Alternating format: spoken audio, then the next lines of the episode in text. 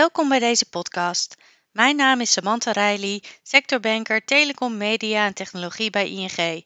En vandaag ga ik in gesprek met Arthur Nederlof, directeur van de Vanat Groep. Dus welkom Arthur. Dank voor uh, de ontvangst uh, vandaag bij Vanat. Um, kan je vertellen, waar staat Vanat voor? Nou, Vanat uh, is een bedrijfgroep. Overigens, de naam Vanat staat voor Van Ad. Dus, en dat is de naam van mijn vader. Ad. Dus daar zit een heel mooi en leuk verhaal achter. Ehm, en toen wij begonnen, toen moest er een goede naam bedacht worden. En de reden waarom mijn vader zijn eigen bedrijf begon, ik geef je de korte versie. Was omdat hij uh, eigenlijk het gewoon helemaal naar zijn eigen hand wilde zetten. Eindelijk na een hele lange succesvolle corporate carrière. Een bedrijf voor zichzelf. Dus dan was de naam, die lag voor de hand, Van Ad. We spreken het altijd uit als Vanad, precies zoals jij het net ook deed. Waardoor lang niet iedereen doorheeft dat het Van Ad is. Maar dat is wel de achterliggende gedachte. Ah, briljant. En dat is in 2005 begonnen, dat avontuur. mijn vader natuurlijk gestart, samen met, met mij en een studiegenoot van mij, Arnoud Munneke. En dat is een hele mooie reis geworden. En het is nu inmiddels een, een bedrijvengroep geworden, waarin meerdere organisaties actief zijn, die allemaal standalone opereren. Dus sommige van de namen van die bedrijven zullen in deze podcast nog wel, nog wel terugkomen. eentje daarvan draagt ook de naam Vanat, dat is Vanat Engage. Dat is een business process outsourcer in de klantcontactwereld. dus die werken voor grote bedrijven die hun klantenservice uitbesteden. Dan hebben we Quandago. Dat is een cloud contact center platform. de Connected Experience platform, zoals wij dat zo mooi noemen. Dat is het tweede bedrijf. Het derde bedrijf heet Tangelo Software. Dat is actief in, in Zeist, dus een fintech. En die leveren ook een, een softwareplatform waarmee jaarverslagen gemaakt kunnen worden. Vrij complex en uh, time-consuming en stressvol proces om dat uh, tot stand te brengen. En deze software die helpt bedrijven om dat uh, soepel te kunnen, te kunnen organiseren. Groeit heel snel, internationaal, mooi bedrijf. En het vierde bedrijf is Bliss. Dat is een consultancybedrijf dat nu iets langer dan drie jaar bestaat. En die zitten volledig in de digitale transformatie en change management hoek. Ook zij maken een hele snelle ontwikkeling door. Eh, thema van vandaag, geeft ook wel aan dat dat natuurlijk een, eh, een activiteit is die eh, graag afgenomen wordt in deze, in deze tijden. Dus die zullen nog wel eventjes door, doorontwikkelen. En je bent nu overigens te gast op de verdieping van Unistone Real Estate. Valt niet onder de Vanat groep, maar dat is ons eigen real estate vehikel. Uh, uh, waarin wij eigenaar zijn van, een, uh, van de campus, van de Vanat groep en nog wel enkele andere kantoorpanden in, in Nederland. Waar ook onze bedrijven vanzelfsprekend in, in gehuisvest zijn. Oké. En je vertelde in 2005, moet ik het zien dat dat echt een, ja, een start-up was? Dat jullie met van scratch af aan begonnen zijn? Ja, 2005 was wel echt, ja, was het echt, nee, het was niet echt een start-up. Zo voelden het overigens wel. Ja. We namen een bedrijf over dat failliet was gegaan van de curator. Oké. Okay. En uh, ook daar gaat een heel lang verhaal aan vooraf. Maar de, de, de korte versie is dat dat bedrijf niet meer verder kon op de manier zoals het ging. Nieuw leiderschap nodig had. Uh, mijn vader had een hele duidelijke visie, wat hij aan ons had, had verteld. Hij heeft het overigens aan meerdere mensen verteld met veel meer ervaring dan wij. En die gingen hem allemaal uitleggen waarom zijn plan niet ging werken. Die ervaring hadden wij niet, dus wij zijn hem dat niet gaan uitleggen. Wij geloofden eigenlijk wel in zijn plan. Uh, dat bracht ons overigens naar Australië. In de voorbespreking hadden we het even over dat mooie land. Ja. Uh, en daar hebben we in Australië gezien hoe een people-centric organisatie succesvol kon draaien. En, uh, en dat model hebben wij eigenlijk vertaald naar de Nederlandse cultuur en hebben we hier gelanceerd. En dat is eigenlijk het ontstaan geweest van de BPO, hè, van Vanat Engage. En uh, ja, dat bedrijf is nu inmiddels, uh, dat was toen uh, eh, 26 mensen groot toen wij begonnen. En daar werken nu zo'n zo'n 1500 mensen op dit moment. Dus dat heeft een prachtige ontwikkeling doorgemaakt. Je kunt met recht zeggen dat het echt wel start-up mentality was waarmee we in 2005 zijn begonnen. En je zegt dat human-centric, is dat ook de kern van jullie bedrijf? Nou, voor dat bedrijf zeker wel. Want dat bedrijf is eigenlijk een hele mooie mix van uh, capaciteit, van heel veel mensen. Hè. Dus in de klantcontactwereld heb je gewoon nog steeds mensen nodig die in contact zijn met, uh, met de consument. Namens, uh, namens verschillende merken waar wij dan voor werken. Maar in toenemende mate hebben we in deze 15 jaar gezien dat, dat die digitalisering aan het doorzetten is. En in die tijd liepen we natuurlijk rond nog met Nokia-telefoontjes en belden allemaal nog heel veel. Tegenwoordig lopen we allemaal rond met smartphones, met allerlei verschillende kanalen tot onze beschikking. En als consument gebruiken we ook al die kanalen om in contact te treden met, met bedrijven. En al die inkomende contacten, die moeten allemaal op een goede manier gemanaged worden. En daarvan wordt eigenlijk continu uh, bekeken uh, of het contact wenselijk is of niet. Hè? gewenst voor de consument, gewenst voor de klant. En als een van beide, of als beide ongewenst zijn, dan moet je zorgen dat je dat proces automatiseert. Dus dat is technologie. Als het voor één van beide ongewenst is, dan is het een goede discussie. Wat willen we met dat contact wat binnenkomt? Willen we dat automatiseren of willen we dat juist live houden? En als het voor beide gewenst is, dan moet er altijd een mens beschikbaar zijn om dat contact uh, zo succesvol mogelijk te laten verlopen voor zowel uh, bedrijf als klant. Dus ja, het is een hele mooie mix tussen, tussen technologie en mensen. En als je met zoveel mensen werkt en als je, als je in zo'n rol werkt, enorm intensief werk, dan is de, de, de, de people-centric approach is echt cruciaal. Dus mensen moeten zich gelukkig voelen, kunnen voelen in hun, in hun werk om maximaal te kunnen presteren. En het geluk wat iemand voelt in zijn werk, dat voelt ook de consument die zo iemand spreekt. Dus uh, nou, eigenlijk omgekeerd, als iemand niet gelukkig is, dan voelt de consument dat heeft een negatief effect op klanttevredenheid. Ja. Nou, ja. Dat is natuurlijk een van de belangrijkste performance indicatoren in de klantcontactwereld. Ja, ja. Dus moet je dan zo zien dat de technologie echt een dienst staat van de mensen die het werk uitvoeren, om hun daar zo maximaal mee te assisteren, in tegenstelling tot de technologie die het dan volledig overneemt? Ja, het staat eigenlijk in dienst van, uh, van zowel de klant, hè, dus de consument, als van de medewerker.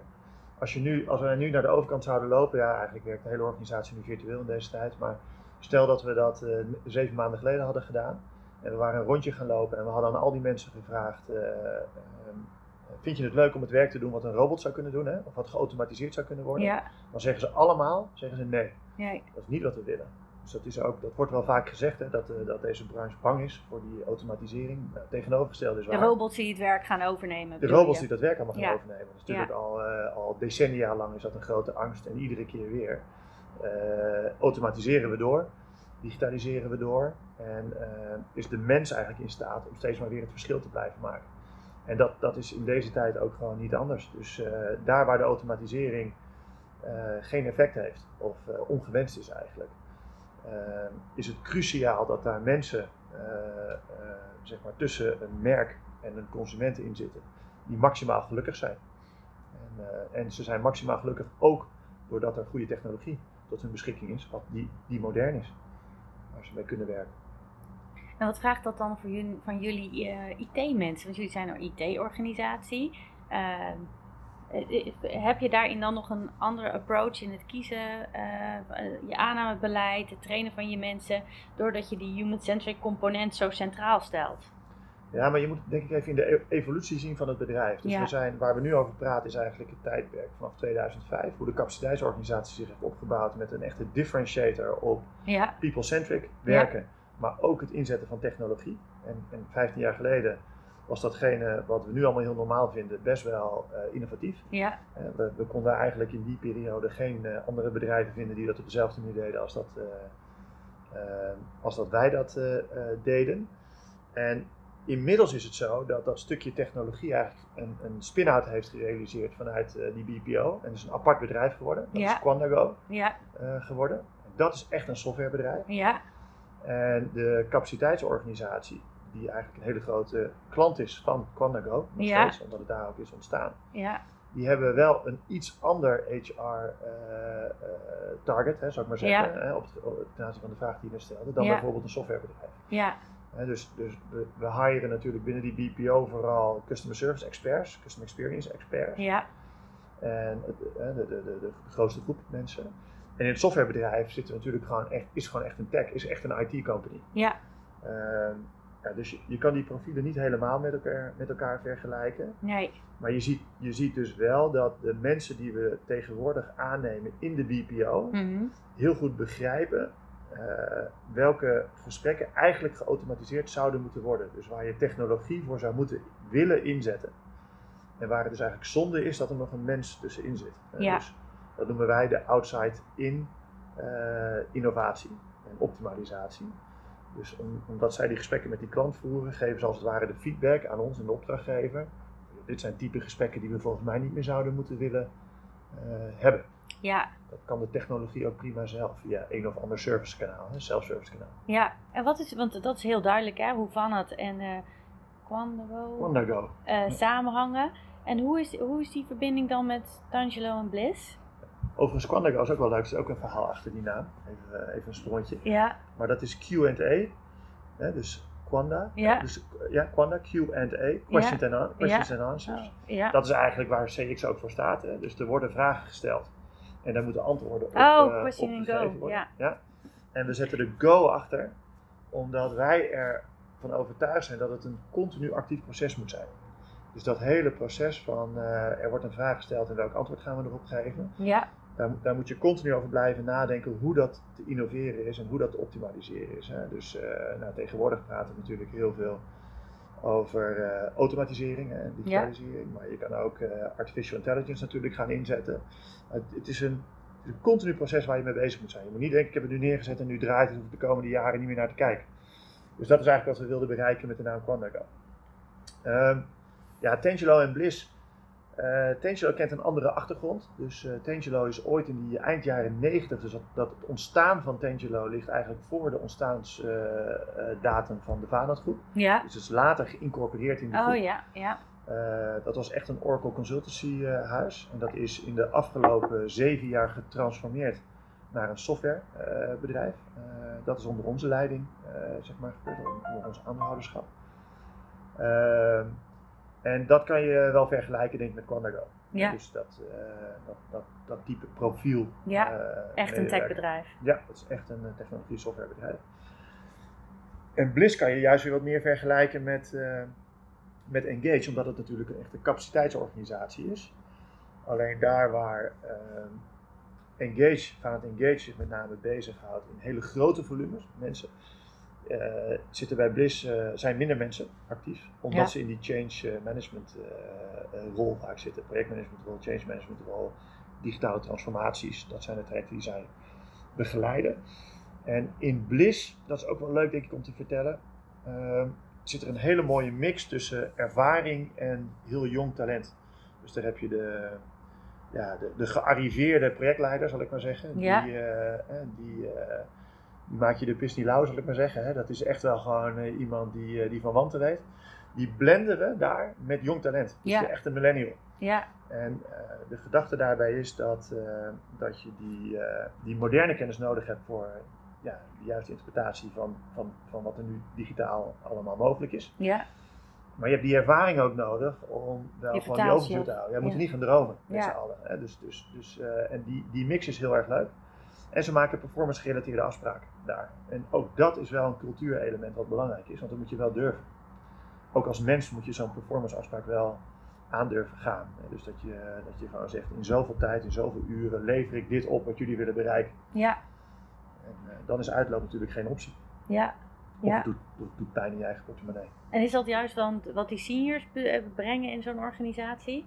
Wat, wat die daar eh, hun, ja, zeg maar, hun skills daar het beste eh, aan bijdragen, zeg maar?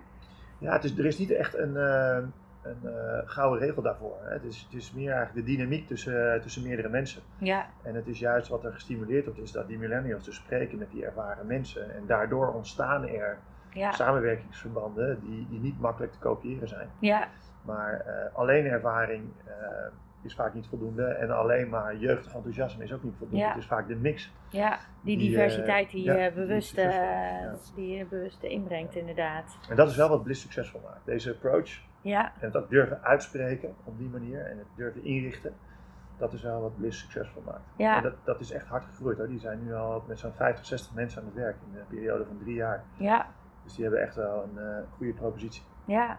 Wel grappig, hè? want we praten natuurlijk heel vaak eh, over diversiteit. En dan gaat het ook vaak natuurlijk ook over andere componenten, man, vrouw of etniciteit.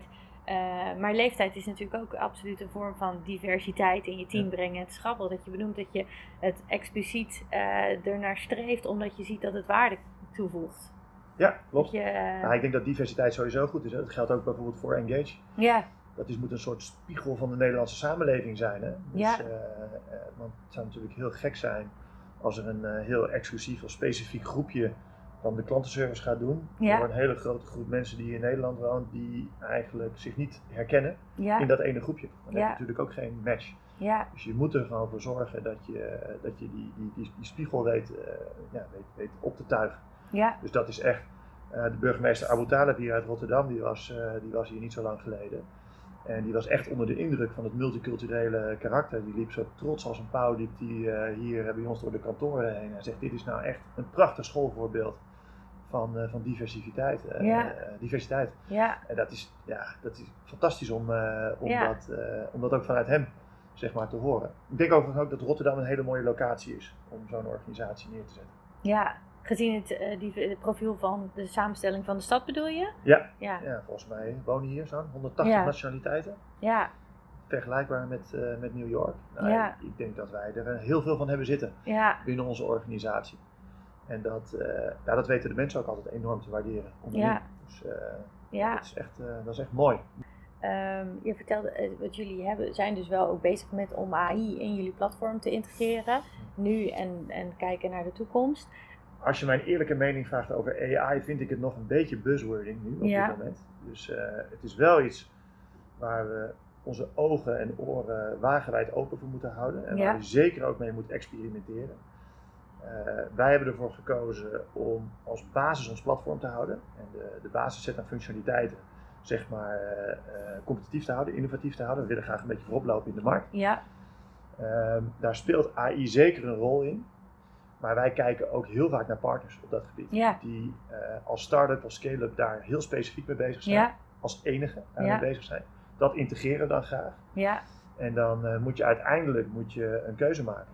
Ja. Dus dan is het eh, eh, make or buy decision. En, en je kan dus ook heel goed beslissen om dan te blijven partneren ja, op een specifiek gebied. Maar je kan ook de keuze maken om het uiteindelijk toch zelf te gaan ontwikkelen. Omdat je gewoon vindt dat het onderdeel van je eigen IP zou moeten zijn. ja, ja, En dat gaat denk ik pas in de komende jaren echt een serieuzere eh, rol spelen. Er Ja. zijn, er zijn wel leuke use cases op dit moment. ja, maar die zijn nog niet zo heel erg hard in mijn ogen. Dus het zijn, het zijn ja, vaak nog verwachtingen. ja, En eh, relatief weinig feiten nog eh, waar, we, waar we over spreken.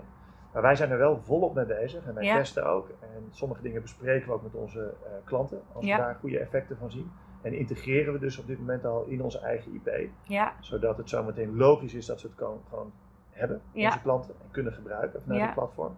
Maar wij- ik ga nu niet op een podium staan en zeggen dat wij een, een soort eh, AI wonderhouse eh, eh, zijn. Nee. Dus dat, dat is niet de, de keuze die wij maken. Nee, want ik zag ook dat jullie eh, behoorlijk gerenommeerde klanten hebben. En ik kan me ook voorstellen dat die gewoon ook willen werken met ja, producten die gewoon later stage zijn, waar geen grote risico's aan zitten.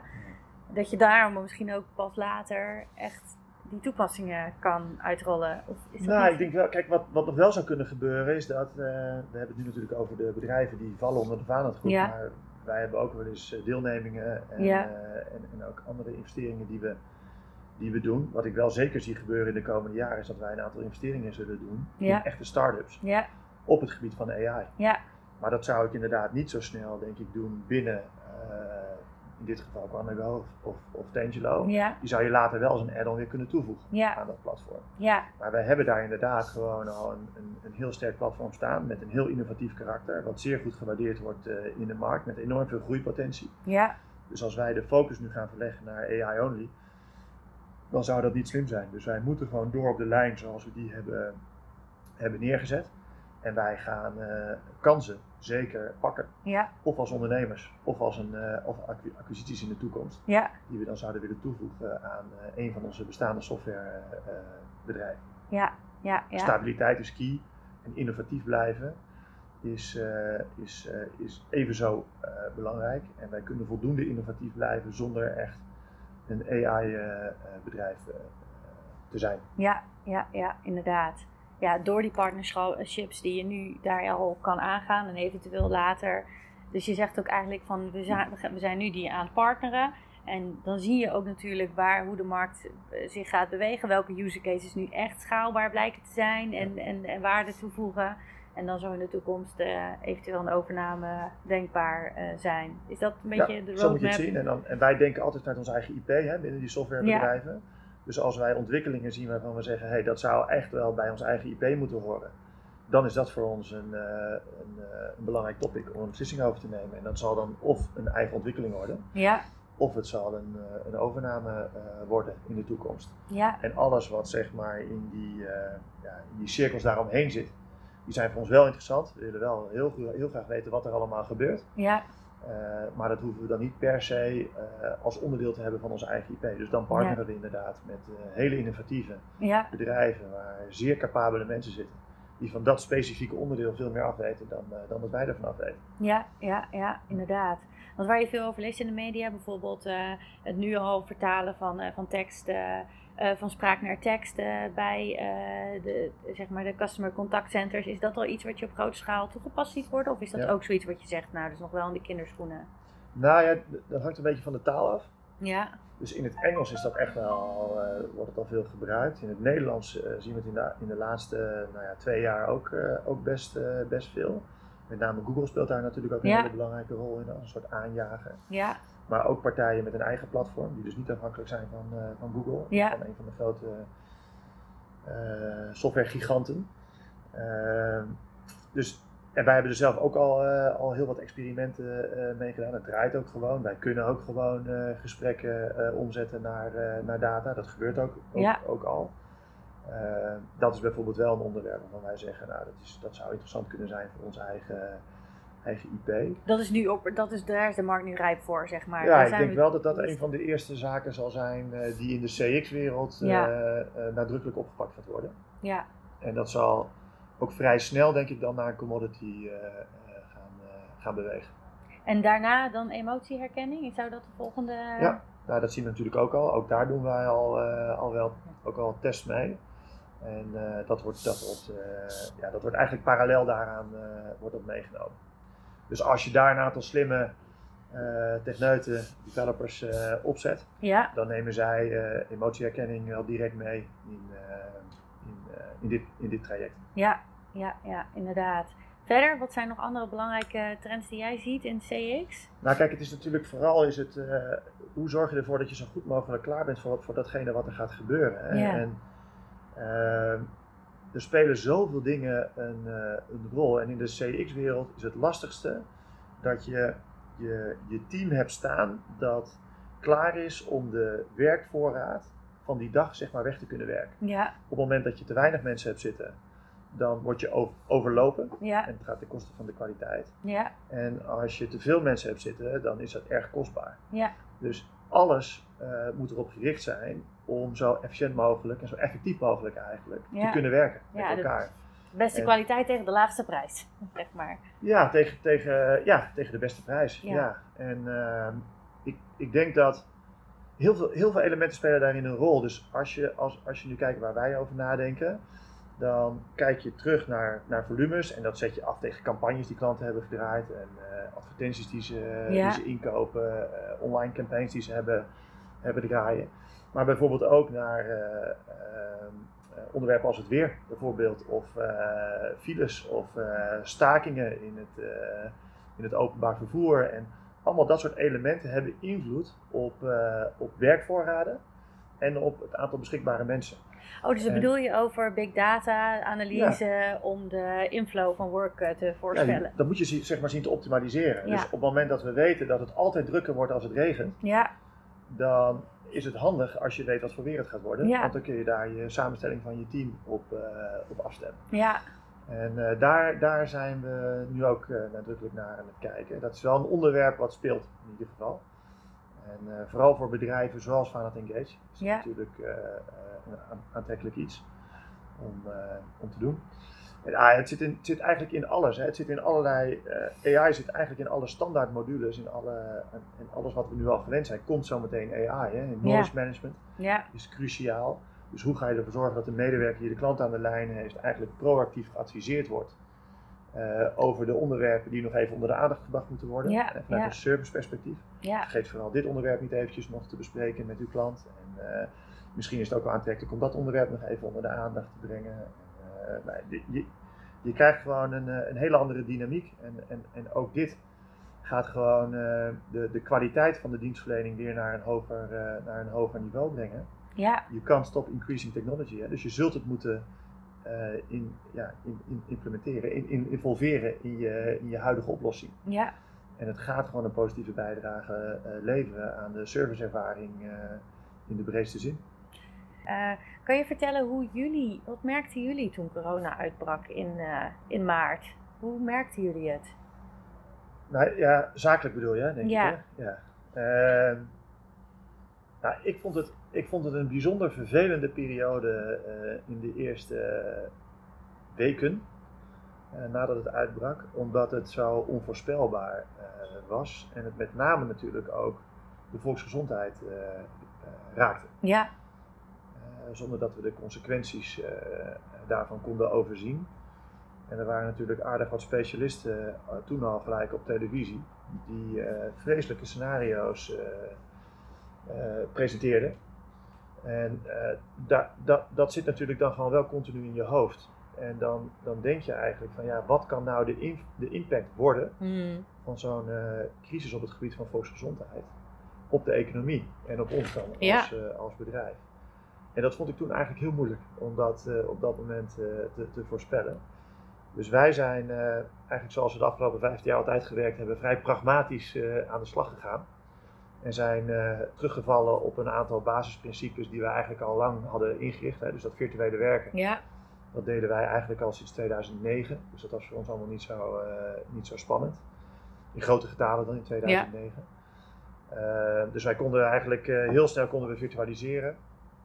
Dat was verder ook niet een cultuurshock of zo voor, voor mensen. Het was wel weer eventjes, oké, okay, even weer het stof ervan afblazen bij wijze van spreken Ja. voor sommige teams.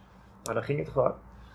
Ehm, dus naar de mensen toe waren we, waren we redelijk pragmatisch en zeiden van nou laten we, het veilige, laten we maar de veilige route kiezen en, uh, en, en, ervoor zorgen dat iedereen uh, gezond uh, kan blijven. In ieder geval geen risico's loopt als, als men werkt.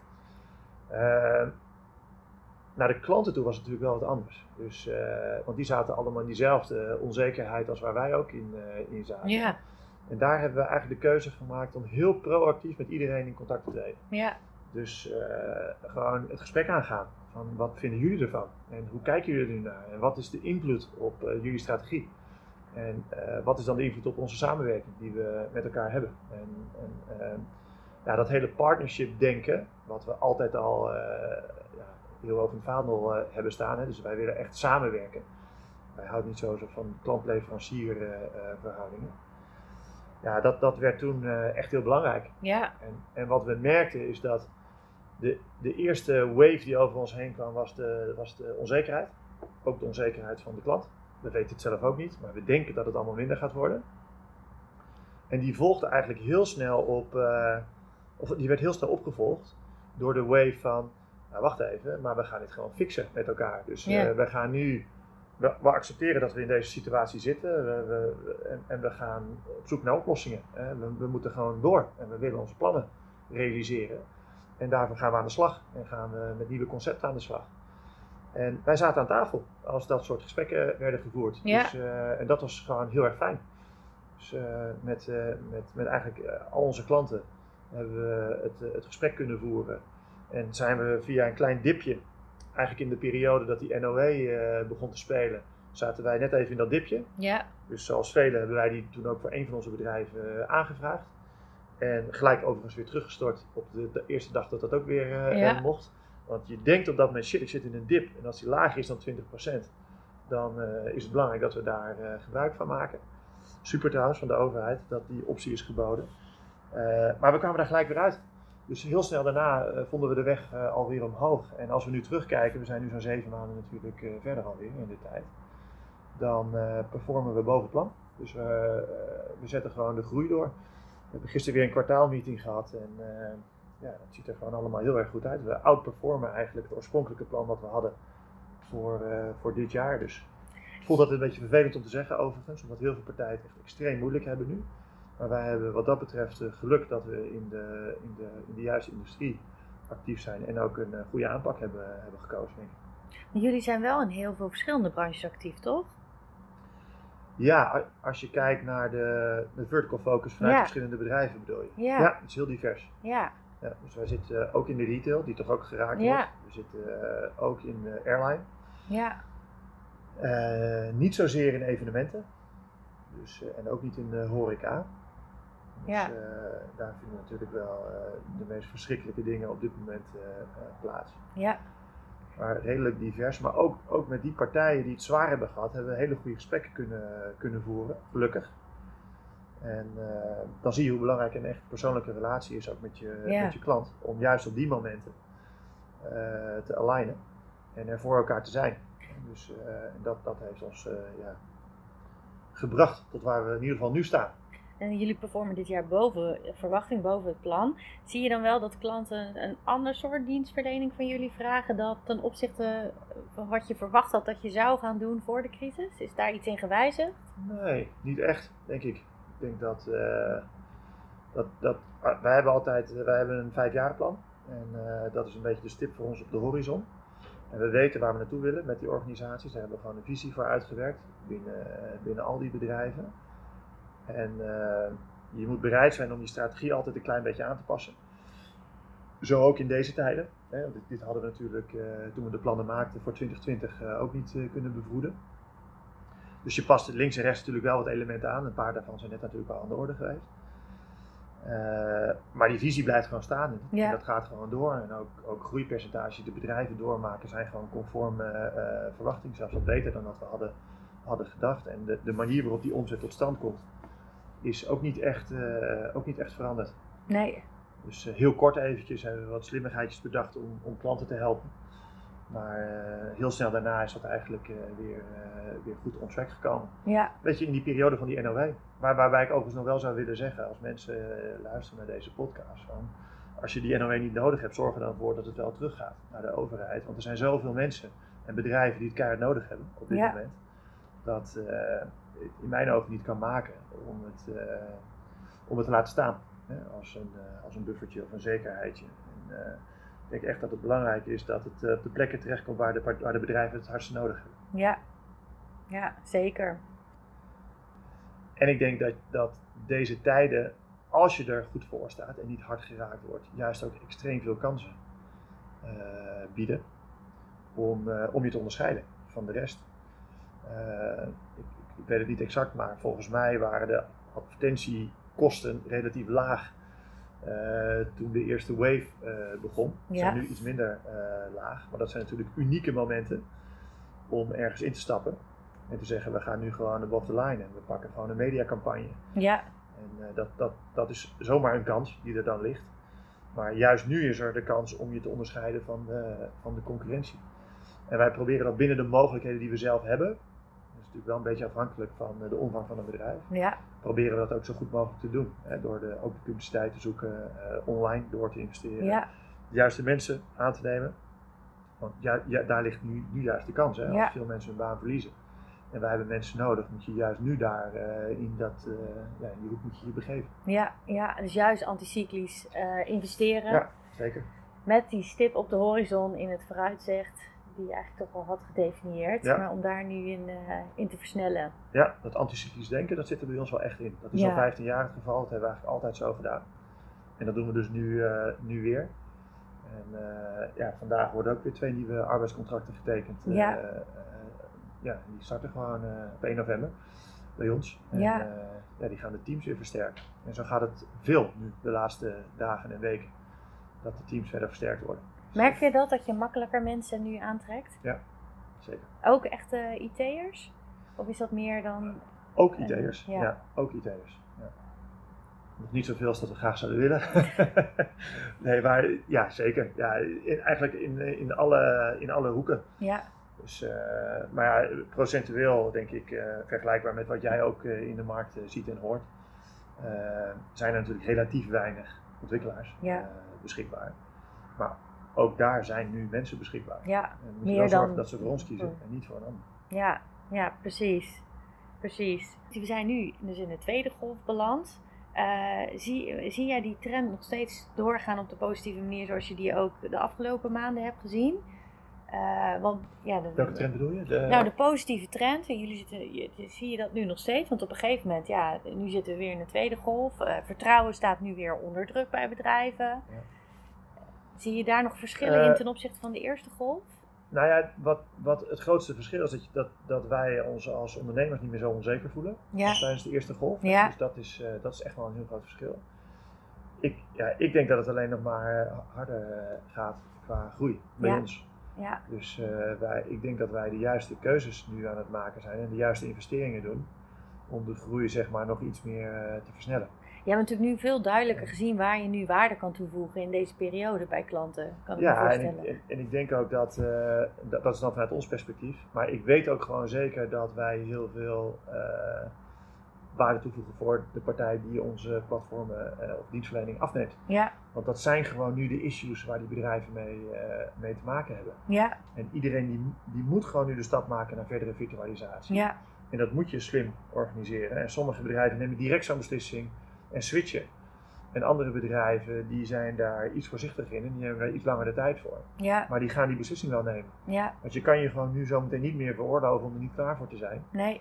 Want we hebben dan nu uh, COVID-19, maar dit gaat natuurlijk nooit meer stoppen. Dus er gaan nieuwe pandemieën komen. Ja. Of situaties waarin we virtueel moeten gaan uh, uh, werken. Al is het alleen maar omdat iedereen weet dat het kan. Ja. ja. En dan moet je het natuurlijk wel kunnen. Ja. En dat moet je dan doen met, uh, met de partijen die, uh, die daar het beste uh, eigenlijk toe in staat zijn om je daarbij te, te helpen. Ja. En ja, wij zitten daar toevallig dan in een segment wat, wat daar aan beantwoordt. Ja, ja wat, daarmee, wat is daarmee groeit. Je had het net al over, we, le we, leren nu ook dingen. Wat zijn voor jou de belangrijkste learnings die je de afgelopen periode hebt opgedaan? Dingen waarvan je, waarvan je zegt, nou die houden we er wel in. Nou ja, je wordt eigenlijk altijd wel getest op, uh, op je vastberadenheid ten aanzien van je visie.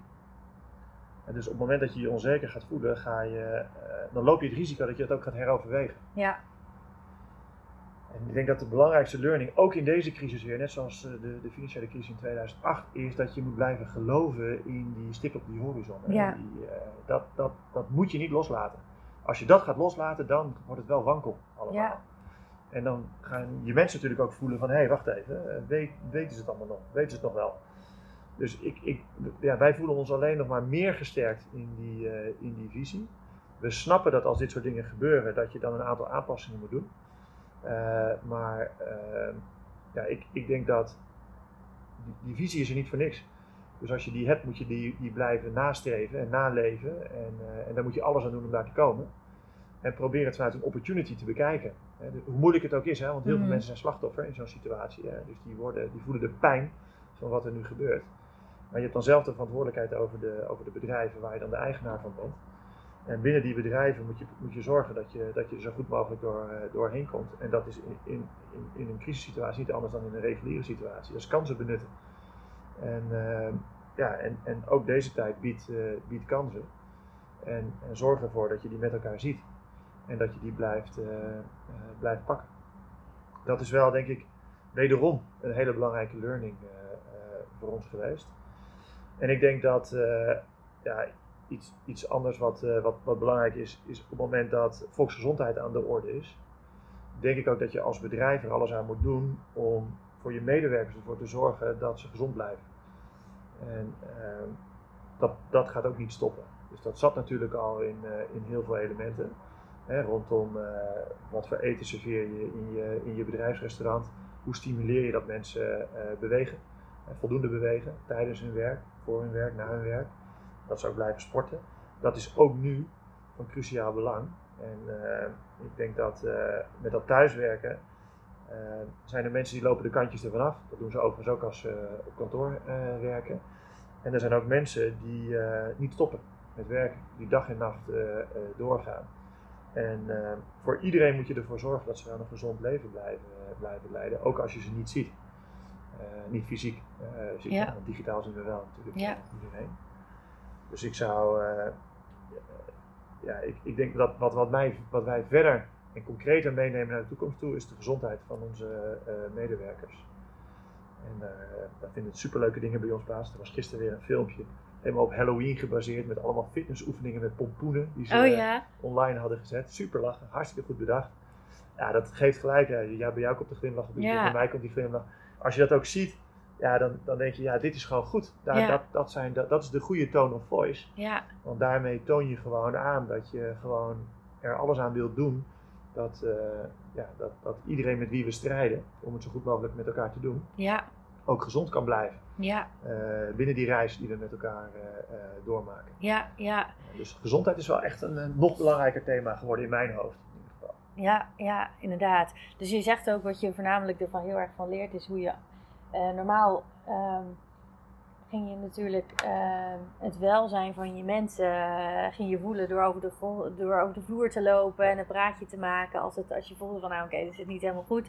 En dat je daar natuurlijk nu allerlei digitale manieren voor vindt om toch aligned in verbinding te blijven en het eh, te corrigeren als het nodig is. Ja, zeker. Ja, Ja. en die neem je eh, dan mee, zeg maar. als het Absoluut. ware. Ja, Er zijn zelfs voorbeelden van managers die gaan op zoek naar medewerkers die thuiswerken en die doen daar een bila-ronde. ja, Dus die gaan gewoon wandelingen doen, bijvoorbeeld. Ja, dat vind ik dus fantastische ideeën. ja. We hebben hier allemaal al in de omgeving allerlei bila-routes uitgezet. Oh ja. Dus eentje van een kwartier, een van een half uur en een van een uur, afhankelijk van hoe lang je overleg is. Kan je ineens een ander koppeltje dan, eh, tegenkomen? dan- ja, zo kom, je, zo kom je verschillende koppeltjes tegen. ja, Vooral als het lekker weer is. ja, En eh, ja, dat, daar word ik heel gelukkig van, omdat, omdat we dan dus zien dat dat, dat, dat beleid dus ook, eh, ook werkt. ja, En eh, voor heel veel mensen werkt dat heel goed, hè, bewegen. En, Ja. eh, er zijn altijd mensen die dat niet plezierig vinden. En Ja. dat is ook, eh, ook natuurlijk prima. We verplichten niemand om Ja. dat te doen.